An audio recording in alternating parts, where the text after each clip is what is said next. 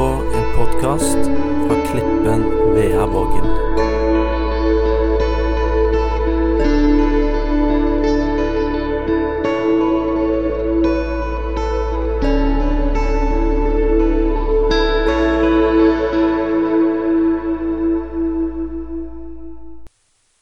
Skal vi se om Der, vet du.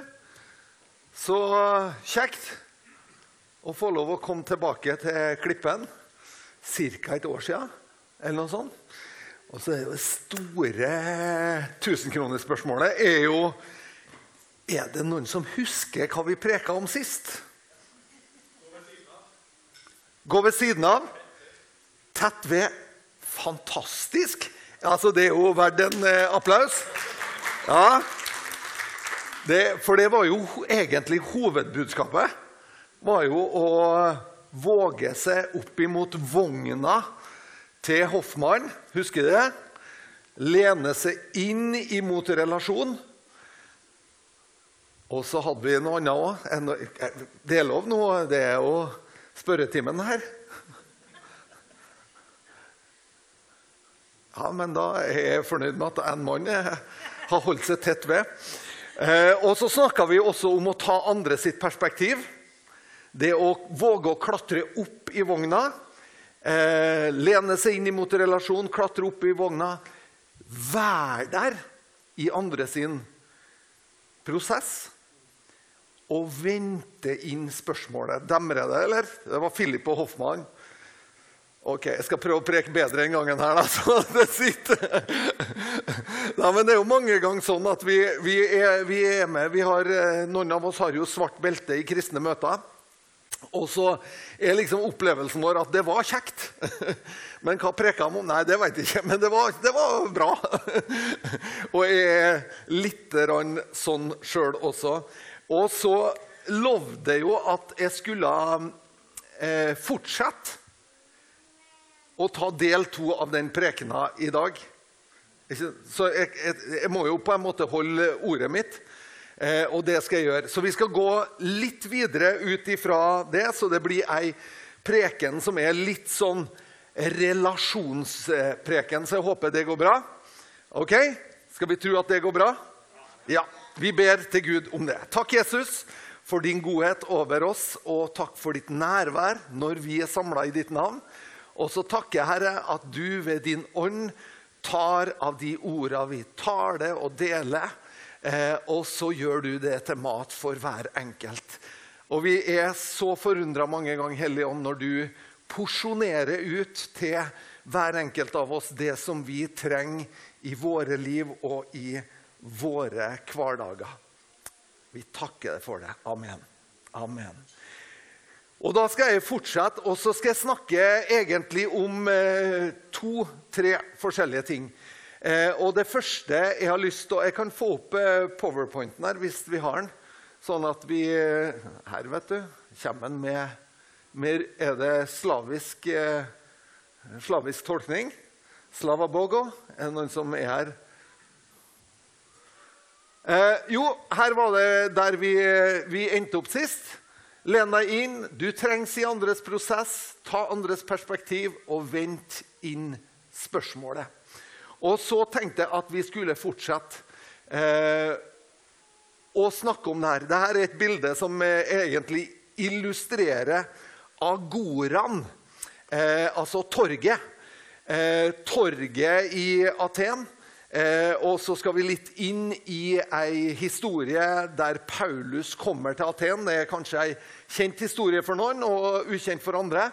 Men eh, den historien skal vi se på, og så skal vi prøve om vi kanskje kan lære noe av Paulus og måten han møtte mennesker på. Men før vi går dit, så har jeg litt lyst å snakke om det her litt det rommet som Annika også snakker om, det her rommet som oppstår imellom oss mennesker når vi møtes. Fordi at eh, jeg tror nok at eh, det fins mange rom. Det fins mange rom i livet vårt. Og det fins eh, mange rom som er interessante og spennende for oss. Verdensrommet er jo kjempespennende. Eh, for dem som liker sånne ting og er litt nerdete, så er jo det kjempetopp å vite at eh, det fins liksom eh, noe som er litt større enn oss. Og der, jeg kunne, der kunne jeg, ha, jeg kunne blitt værende der. Fordi jeg syns det er utrolig fascinerende. Eh, men allikevel tenker jeg at det, det viktigste rommet egentlig for oss mennesker, det er det mellomrommet oss imellom.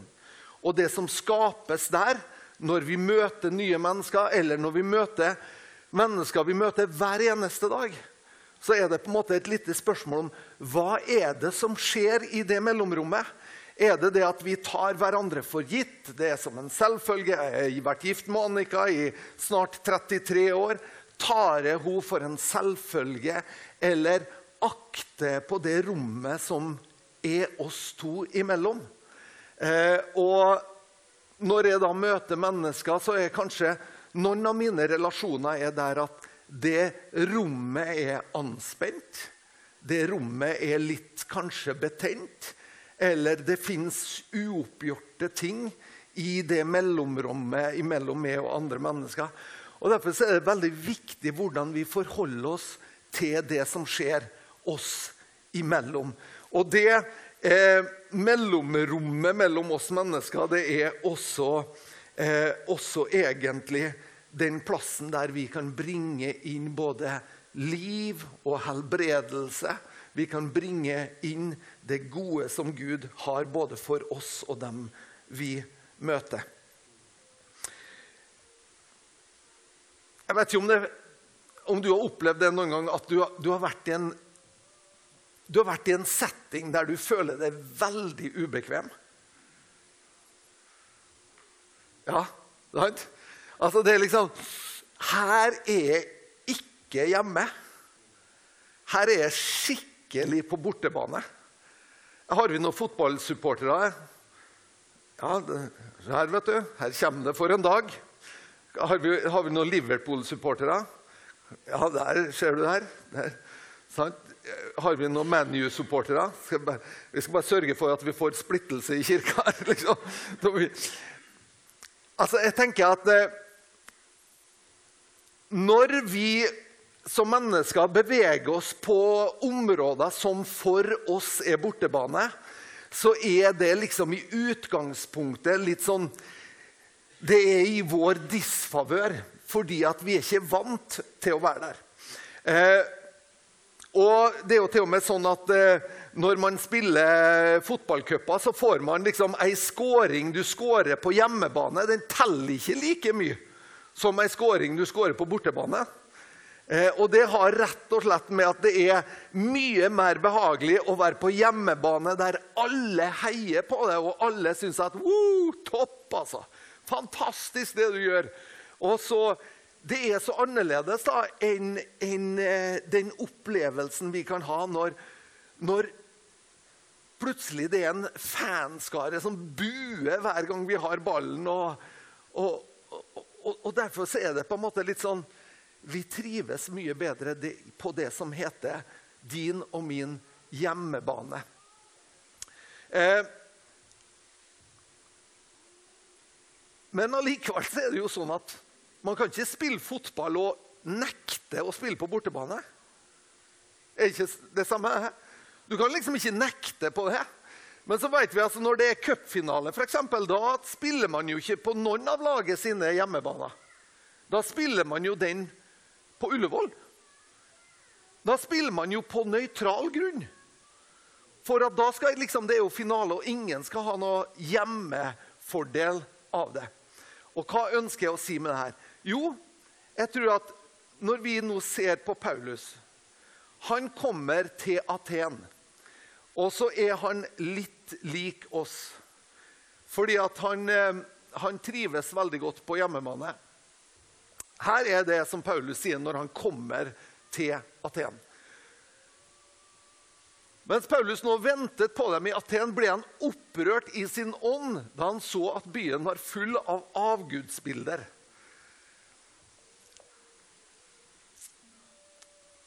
Og jeg tenker at eh, det her er noe jeg opplever ganske ofte når jeg ser på nyhetsbildet i Norge. Så er det noe jeg opplever ganske ofte, faktisk, at jeg blir litt opprørt i min ånd. Er det noen som gjenkjenner altså, Jeg blir opprørt i min ånd. Jeg blir litt sånn hva, hva Hvor er vi på vei? Altså, hva, hva skjer liksom i verden? Og, og, altså, og, og noen ganger så kan det til og med altså, Jesu gjenkomst har ikke vært veldig dum ganske snart. Liksom. Men det er kanskje bare jeg som tenker sånne tanker. Men det er noe med at det skjer ting som man opplever er så annerledes enn det paradigmet eller den forståelsen av verden som jeg har, at det på en måte oppleves bare Hva skjer? Så vi blir opprørt i vår ånd.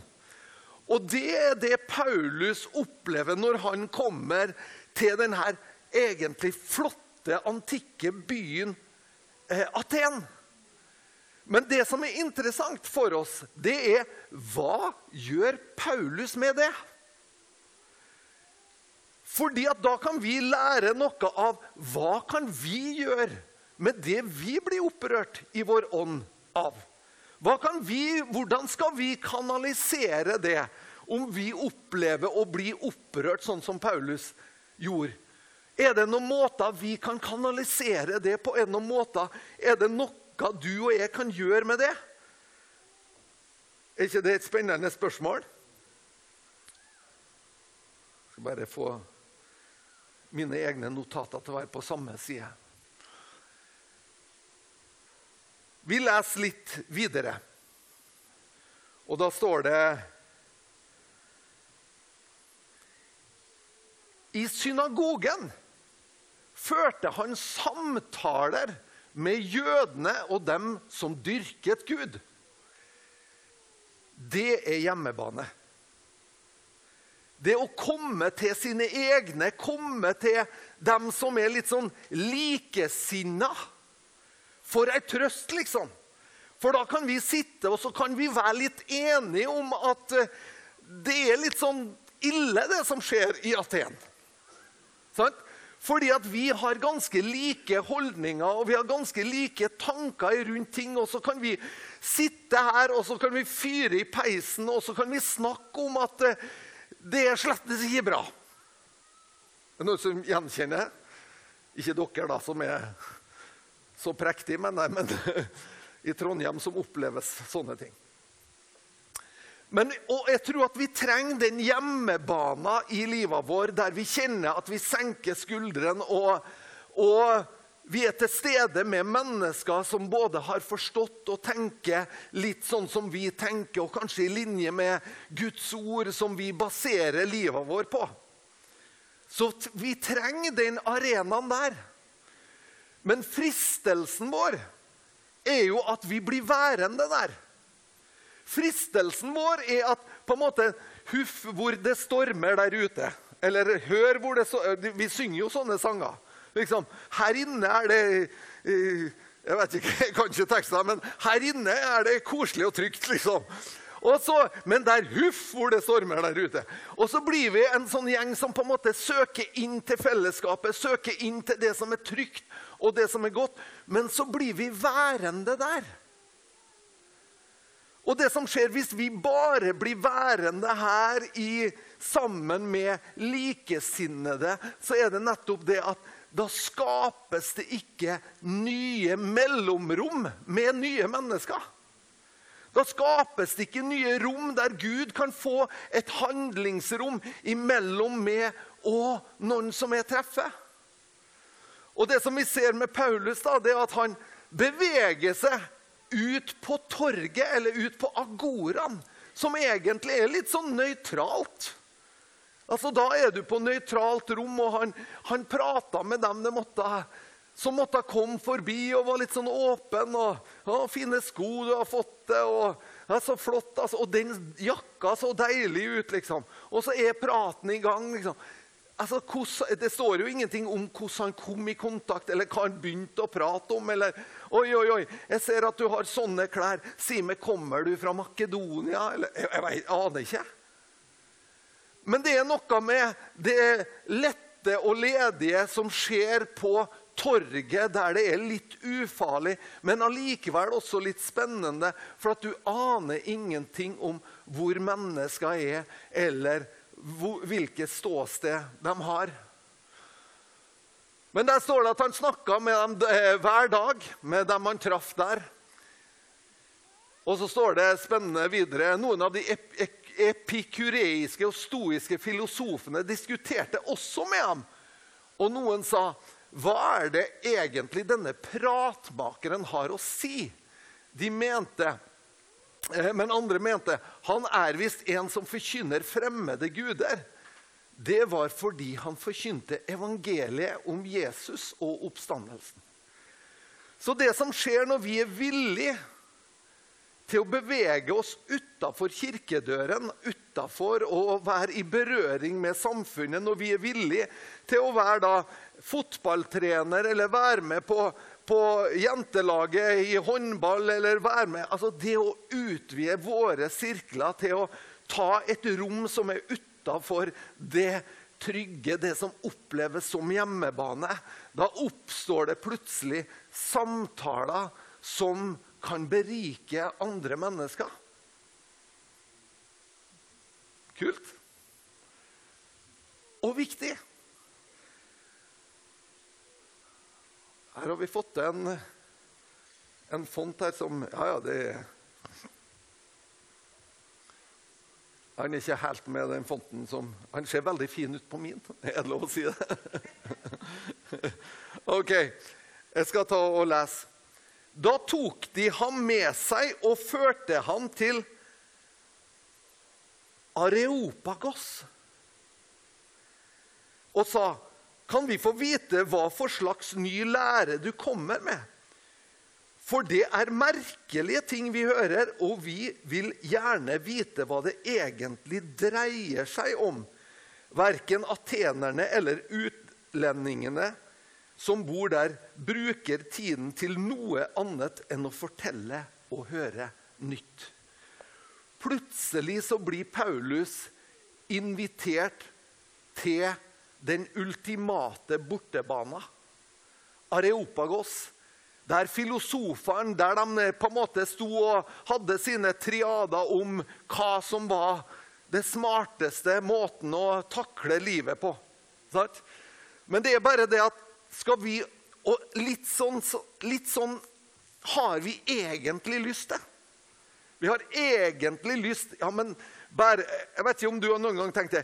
Og hadde bare kunne vært noen troende som kunne komme og sagt noe inn i den debatten. Er det noen som har tenkt det? Vi, ja, men Kunne vi ikke ha fått en god røst liksom, til inn i det her? Og så er det kanskje noen som står fram, og så er det noen som har en røst inn. og, og sånn. Men veldig mange ganger så er det litt stille rundt oss. Litt stille rundt hva vi egentlig tenker. Og så tenker jeg at det å bli invitert til Areopagos, det handler egentlig om at vi først har tora å vært til stede på torget. Først har vi tora og vært til stede på en plass der det er litt ufarlig, men det er litt spennende òg. Det, det, er liksom ikke superskummelt, men det er, det er mm, Du føler ikke at det er hjemmebane. Jeg husker jeg ble invitert av en, eh, av en nabo, eller en, i, en som vi kjente, eh, kjenner til. Og så ble jeg, jeg ble invitert, altså, for han hadde bestemt seg at han skulle han skulle ha laga til halloween-feiring. Han skulle lage til halloween-feiring, og jeg og Annika ble invitert. Og jeg, jeg tenkte Neimen, vi feirer ikke halloween.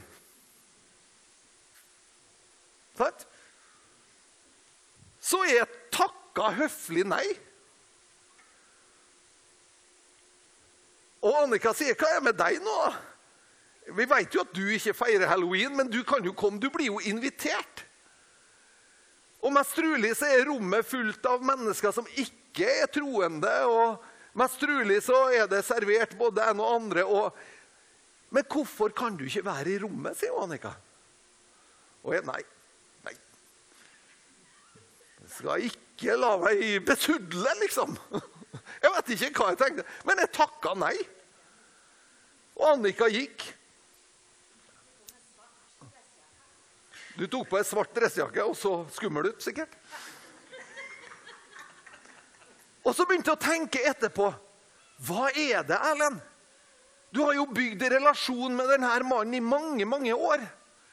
Og nå velger han å invitere deg inn til sitt areopagos. Og så takker du nei fordi at du er litt fin i kanten, eller? Hva er, hva er? Og jeg, jeg, jeg fikk sånn skikkelig Tilgi meg, Gud. Gi meg en ny sjanse. Og litt sånn Gud, hjelp meg. Hvordan kan jeg takke nei når jeg endelig blir invitert til å snakke med dem som kanskje aldri får de her samtaleemnene som jeg bringer inn i rommet? Skjønner du? Så jeg var for fin i kanten. Men jeg ba Gud om å få en revansj. Og det fikk jeg. Det er litt sånn noen gang, Jeg fikk en revansj, og det var, det var litt, litt, nesten litt artig. da, fordi at Plutselig så var det noen nabojenter en nabojente som, som feira Jeg husker ikke hvilken bursdag det var, men det var om hun var 12 eller 13 år. Og hun, hun, hun lurte på om ikke jeg kunne komme og lage show. Fordi at hun skulle ha halloweenfest på bursdags, sitt bursdagskalas. Så, og jeg har jo sagt til Gud du må gi meg en revansj når det gjelder halloween. Så jeg sa jo yes, jeg kommer.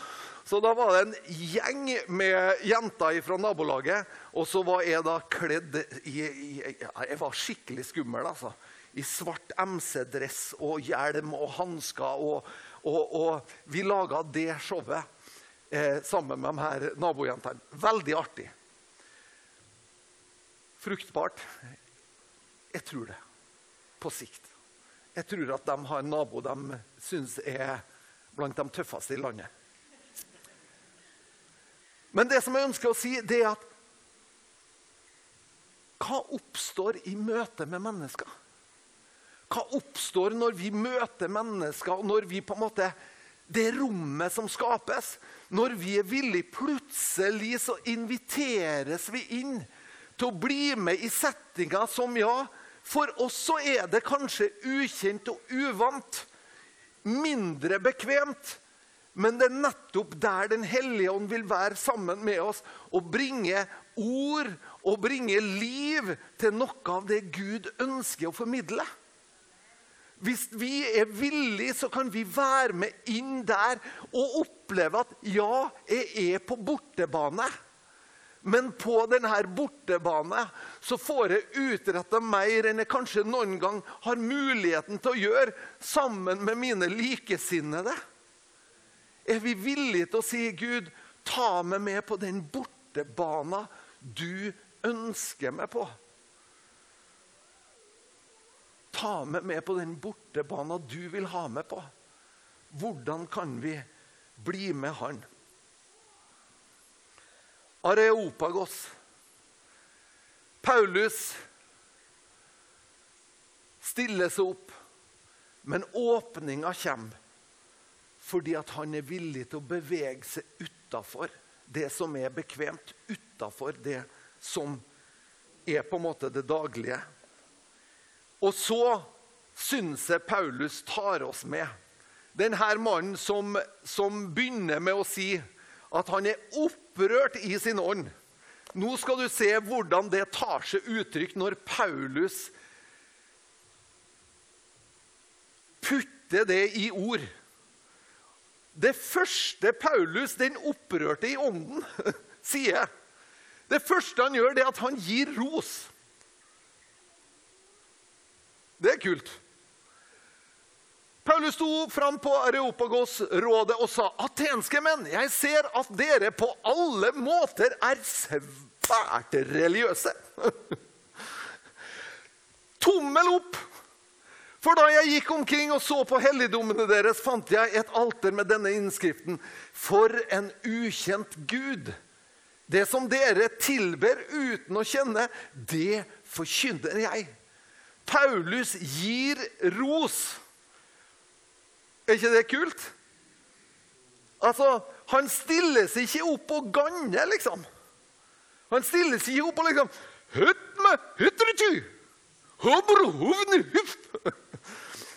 Altså, han, han roser dem. Altså, det er en helt annen inngang. Det begynte med at han var bedrøva og opprørt i sin ånd over situasjonen i Aten. Men når han setter ord på det, så kommer det ut med et løft og med et ønske om å løfte mennesker. Han, det kommer ut som noe som er med å løfte dem, sånn at de opplever Oi! Er det noe vi ikke har tenkt på her? Og så fortsetter han. Og så ominnrammer han. Jeg syns det er et bra ord. Hvis det er noe du skal ta med deg fra i dag, så er det å søke å ominnramme. Vil si at problemet er det her. Kan jeg si noe om det problemet og snu det sånn at du forstår det? Altså for eksempel, Vi har mange ting som skjer i vårt samfunn i dag der mennesker trenger ominnramming for å forstå hva Gud egentlig har tenkt. Så Paulus han tar og ominnrammer Unnskyld, skal trykke på.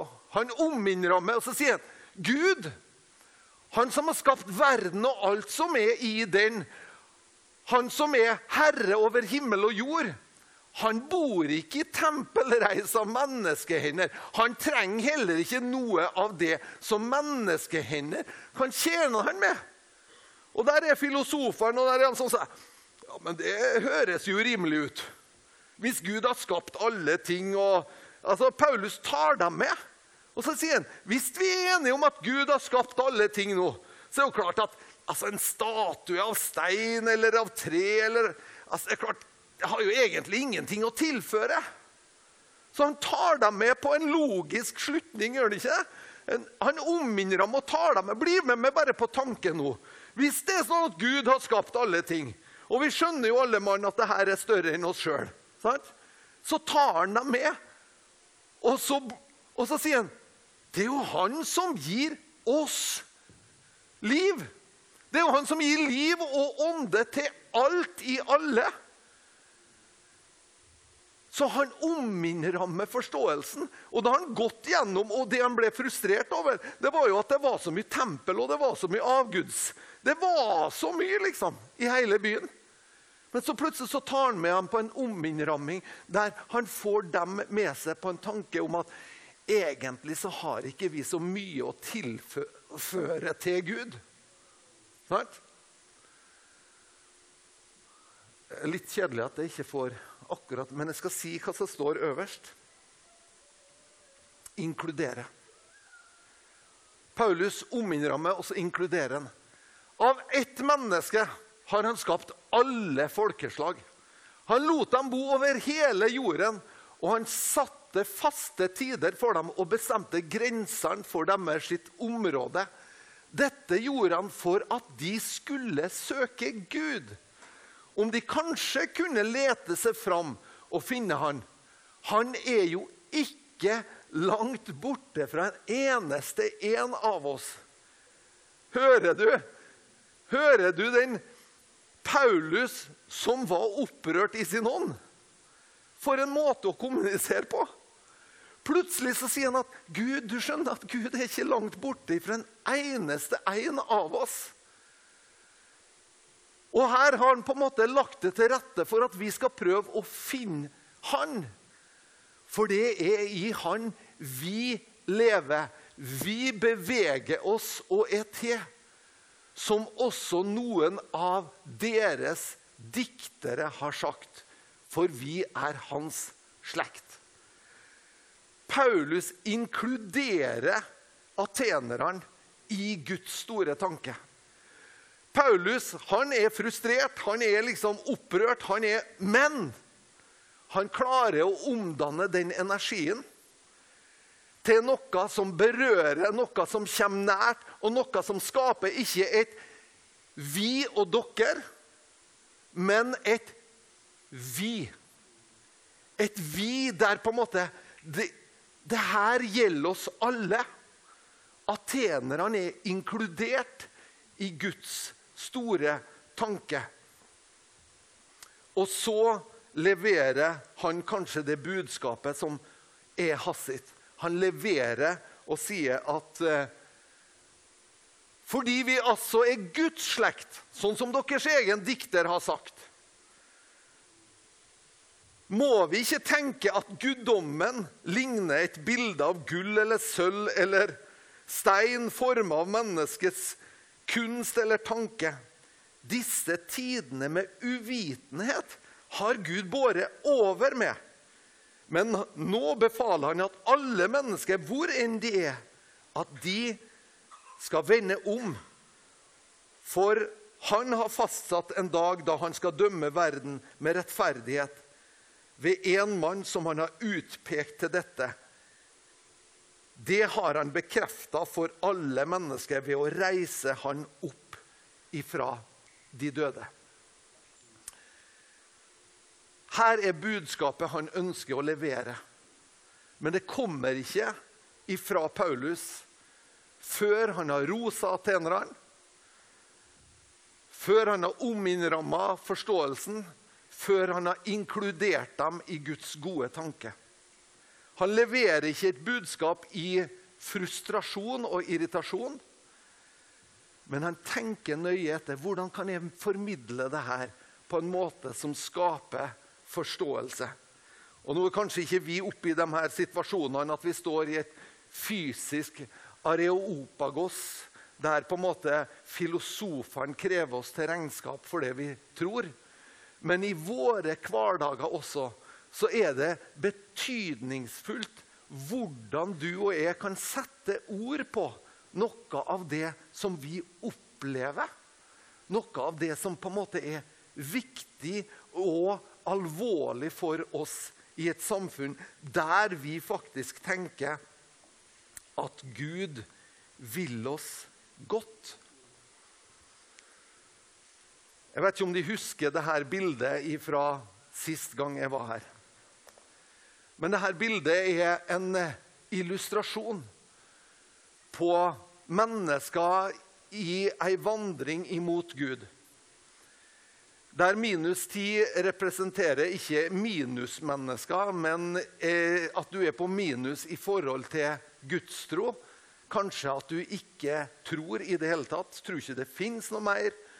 Eh, er ateist, du tror liksom ikke på noe der.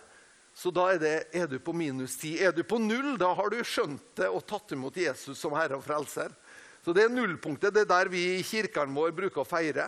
Woo! Fire ble frelst. sånn? eh, og så er det jo en vokster også som trenger å skje etter det.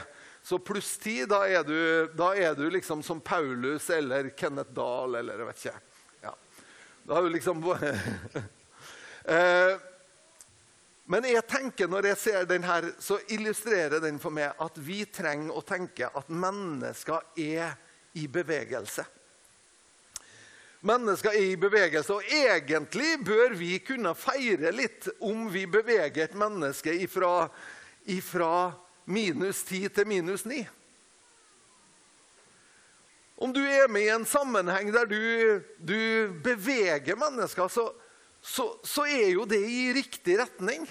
Og Noen ganger tror jeg at vi har litt for stort fokus på akkurat nullpunktet. Men at vi heller kan juble litt over at oh, Min venn som er ateist, han er ikke lenger ateist, han er, han er agnostiker. Hva er det som skjer når han er Jo, da plutselig så sier han ikke lenger for ateist sier, Jeg tror ikke det fins noe Gud. Mens agnostikeren sier er åpen på at det kan være noe mer. Da har man jo bevegd mennesker. sant? Da Har nok, noe har jo skjedd i rommet. Jeg husker jeg møtte en mann en gang. Den var jo litt sånn heftig. da. For Jeg møtte en mann, og så sier han til meg ja, jeg er ateist, så jeg tror ikke på Gud. sier han. Eh, men så sier han også, litt lenger ut i samtalen, sier han at eh, men jeg tror det fins mer mellom himmel og jord. Å ja, så du er egentlig kanskje du er, litt, du er litt åpen på det? Ja, jeg er det. Og så sier han eh, så sier, ja, jeg er åpen på det. Så, ja, men da er du kanskje mer agnostiker, da. sier jeg. Ja, ja for jeg tror egentlig at det, det fins en kraft i universet, sier han. Ja, Oi, så interessant, sier jeg. Og så sier jeg at eh, er du åpen på at den eh, krafta egentlig også kan være, eh, kan være personifisert? At den krafta er liksom i én person? Ja, det kan godt være det. Oh, ja, da, det, og det kan jo være Gud, da, sier jeg. Ja, det kan det være. Ok, Så da har vi plutselig bevega oss fra å være ateist til agnostiker. Og, og, og i en og samme samtale. Så, altså, så, mange ganger så er det faktisk sånn der, Mange ganger er det sånn at vi tenker at mennesker har faste, ryddige trossystem der de sorterer hva de tror og, og, og tenker. Men de aller fleste rundt oss har ikke et sortert trossystem. De har et trossystem som er basert på at jeg tar litt her og litt der. Og egentlig så går det her ikke helt i hop. Det, ja, det er litt hjemmesnekra. Jeg tror på det, og så tror jeg på det, og så tror jeg på det. Altså Ja, Nei, det skal jeg ikke si. Men, men, noen ganger så forundres du da, over at ett og samme menneske kan tro på det her, og så tror du på det her. Altså, hvordan kan du eh, Jeg må passe meg, kjenner jeg. Sånn ikke liksom, Men bare et eksempel. da. Hvis du tror på darwinisme, altså utvikling, survival of the fittest, og du tror på det eh, men så, du samtidig, så, er du samtidig feminist, så du tror at det ikke er forskjell på, på, på, på kjønna, f.eks. Altså, du, du, du, drar den så langt. da. Det henger ikke veldig godt sammen, gjør det? Men det er mange som blander sånne tank, tanker sammen og så tenker de at ja, det funker. liksom. Og så tar vi det som er populært i tida, og så tror vi på det. Og så tenker vi ikke på det at ja, men det her må jo få de konsekvensene også, da, hvis jeg først tror på det. Så mange ganger så er det faktisk sånn at våre trossystem er fragmentert. Og mennesker er ikke så veldig fast. Så når man våger seg inn i samtalen uten å forakte, uten å, uten å liksom Men ved å inkludere og bringe inn Guds tanker, så er det mange ganger man kan oppleve det at man er med og vandrer mennesker hjem til ei tro. Og vi trengs ute i de rommene. Jeg har lyst til å avslutte med et bilde fra katedralen vår i Kristiansund. Dette er eh, Kirkelandet kirke i Kristiansund. Og det her er Bak alteret og den veggen der så ser du at det går ifra det mørke, og så går det opp, og så har du et bjelkelag, og oppover bak, over bjelkelaget der er det liksom himmelvendt og, og lyst. Sant? Og så tenker jeg nede her der det er mørkt, det kanskje kan få lov å representere eh, de her stegene som jeg hadde i stad, minus 10 og oppover. Veldig ofte i et menneskes liv så er det sånn at det, ja, det er kanskje ikke så mye som har med tro å gjøre, men så fins det noen lyspunkter, ser du. Sant? Du ser det her. Her er kanskje et eh, lyspunkt nede i, i blått. Ser du et lyspunkt nede i, i blått der, litt sånn to hakk opp? Så det er kanskje ei bestemor som ber. Sant? Og så ser du litt lenger, så er det lenger opp så er det et i hvitt. ser du det? kanskje. Hvis du tenker nå Jakob på flukt ifra Esau, så er det sånn at Jakob har en gudsopplevelse i Betel. Han sier 'Wow, Gud er her'. Den gudsopplevelsen som Jakob hadde der, forvandla ikke livet hans. Har du tenkt på det noen gang? Han erkjente at Gud var, var sterkt. Han, han, han, har vært på møte hos sånn. Det var et sterkt møte. Men det forvandla ikke livet hans. Men han hadde det med seg i bagasjen. Han hadde med seg som en del av sin erfaring. Og Noen ganger så trenger vi å tenke det også. for mange ganger så tenker vi at Hvis mennesker får en gudsopplevelse, så springer de til korset og omvender seg alt i orden første dagen. Men mange ganger så er det faktisk sånn at de tar det med seg. De grunner på det. Det blir en del av det de har opplevd. Men så må de gjerne oppleve flere ting før dem. Så det er i Jakob sitt liv så opplever han at Gud er med ham sånn og sånn. Men det er først når han kjemper med Gud, at livet hans blir forvandla. Og mange ganger opplever vi det. Vi trenger ikke å tenke at mennesker skal derifra til dit tvert. La dem få lov å gå sin vei. Men la oss sørge for at det blir noen lyspunkter. Og la oss gjerne sørge for at det blir tettere mellom lyspunkter. Tettere mellom Jeg var Sjøl når jeg var 19 år, så var jeg på en skileir. Jeg, var, jeg, var, jeg trodde på Gud. Det gjorde jeg. Men jeg levde ikke som en kristen. Men jeg ble med på en skileir. Og På den skileiren så var det en korssamling, og det var en gjeng med gutter som spurte Erlend, kan vi få be for det. Og jeg sa ja, gjerne. Bare be for meg. Og så har jeg en opplevelse av at Den hellige ånd kommer og berører meg på den skileiren. Men jeg ble ikke en kristen da. Det tok ennå seks måneder før jeg ble en kristen. Det var det året jeg var russ, jeg var russepresident. Jeg var, liksom, var helhjerta russ det halvåret. Og etter det halvåret var gått på sommeren, så begynte jeg å tenke på hva har jeg egentlig opplevd. Og jeg tenkte på hvor artig vi har hatt det, og hvor mye vi har herja og flira. Men så er det én opplevelse som lyser opp i mitt minne. Og det er den korssamlinga på en skileir på Oppdal. Hva var det egentlig som skjedde der? Og så tenker jeg tilbake på det, og så blir det et, et vendepunkt i mitt eget liv. Men skjønner du at prosessen var lang. Og Noen ganger er det sånn, og vi må la de prosessene skje hos mennesker. Og heller være katalysatorer enn pushere i de prosessene. Sant? Kanskje vi har noen rundt oss som vi trenger å hjelpe med å ominnramme forståelsen av Gud. Kan vi tenke gjennom hvordan kan jeg si det her? Jeg vet at hun venninna mi der eller han kollegaen min der lurer på eller har tanker i de her retningene. Kanskje du kan be Den hellige ånd hjelpe med å formulere tanker rundt det, sånn at det fører dem i rett retning kan du være med å ominnramme. Jesus ser du det samme hos. Jesus, har du noen gang tenkt på at Jesus svært sjelden svarer på det han blir spurt om? Har du tenkt på det? Folk kommer og spør Jesus, og så svarer han på noe helt annet. Er det rett å betale til Hva med bilde av? Ja, men Det var jo ingen som lurte på hva det var bilde av. Men Jesus han ominnrammer for å skape forståelse. sant? Og vi trenger også å være med å skape den forståelsen.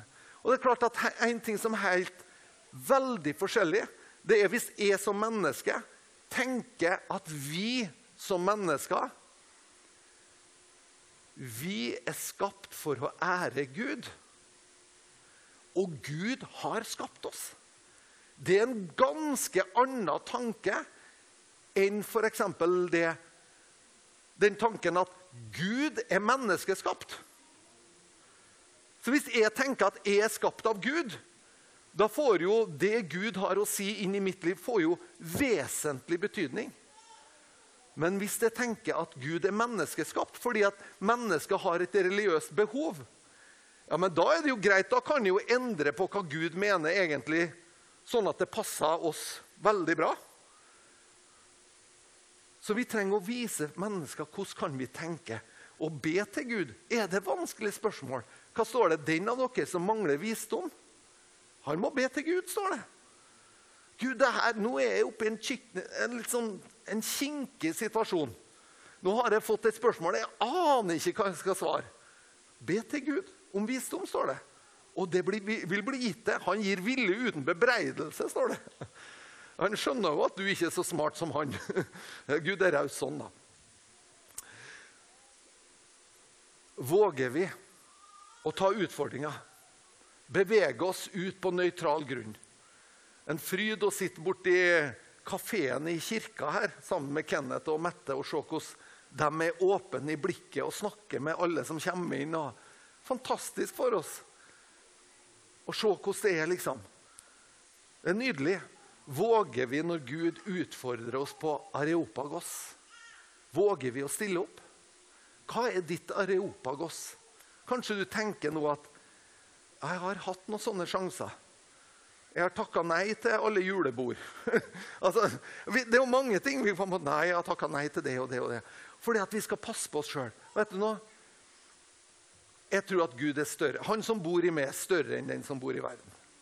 Jeg tror at vi må, vi må på en måte legge av det her liksom litt sånn, litt sånn pysete. Og så må vi ta på oss litt mot og, og relasjonsmot og være liksom Yes! Ja, Gud bor i meg, vet du. Sant? Ja, Det er litt sånn maskulin bit av evangeliet der som er litt sånn Det, det er litt bra, skjønner du. At vi blir litt sånn mm. OK, jeg tror jeg skal slutte. Vi ber til slutt, da. Takk, Jesus, for din godhet over oss. Vi takker for din nåde også, som er så rik for oss. Og du ser eh, oss alle sammen, og så veit vi Ganger vi både har eh, takka ja til invitasjonene, og ganger vi har takka nei. Ganger vi har eh, skubba ifra oss istedenfor å omfavne, Herre. Og så ber jeg om at du skal gi oss nåde, og at du skal la oss vokse, Herre, i de relasjonene du gir oss, Herre. Og at vi også vokser imot, Herre. Og, og vokser i det å kunne ta det rommet som du gir oss, Herre.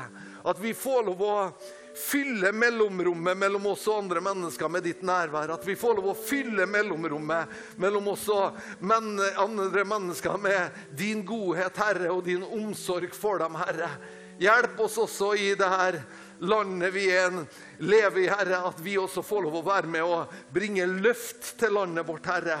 Både moralsk og, og på alle måter, Herre. At vi får lov å bringe løft på en positiv måte, Herre. At vi får lov å bringe liv inn, Herre. At vi får lov å bringe det gode ifra det, Herre, inn i landet vårt. Vi ber om det, Herre. Ha nåde med oss, Herre. Utrust oss ved din ånd, Herre. Styrk oss i troa, Herre. Og la oss være mennesker som våger å stå opp, Herre, i Jesu Kristi navn. Amen.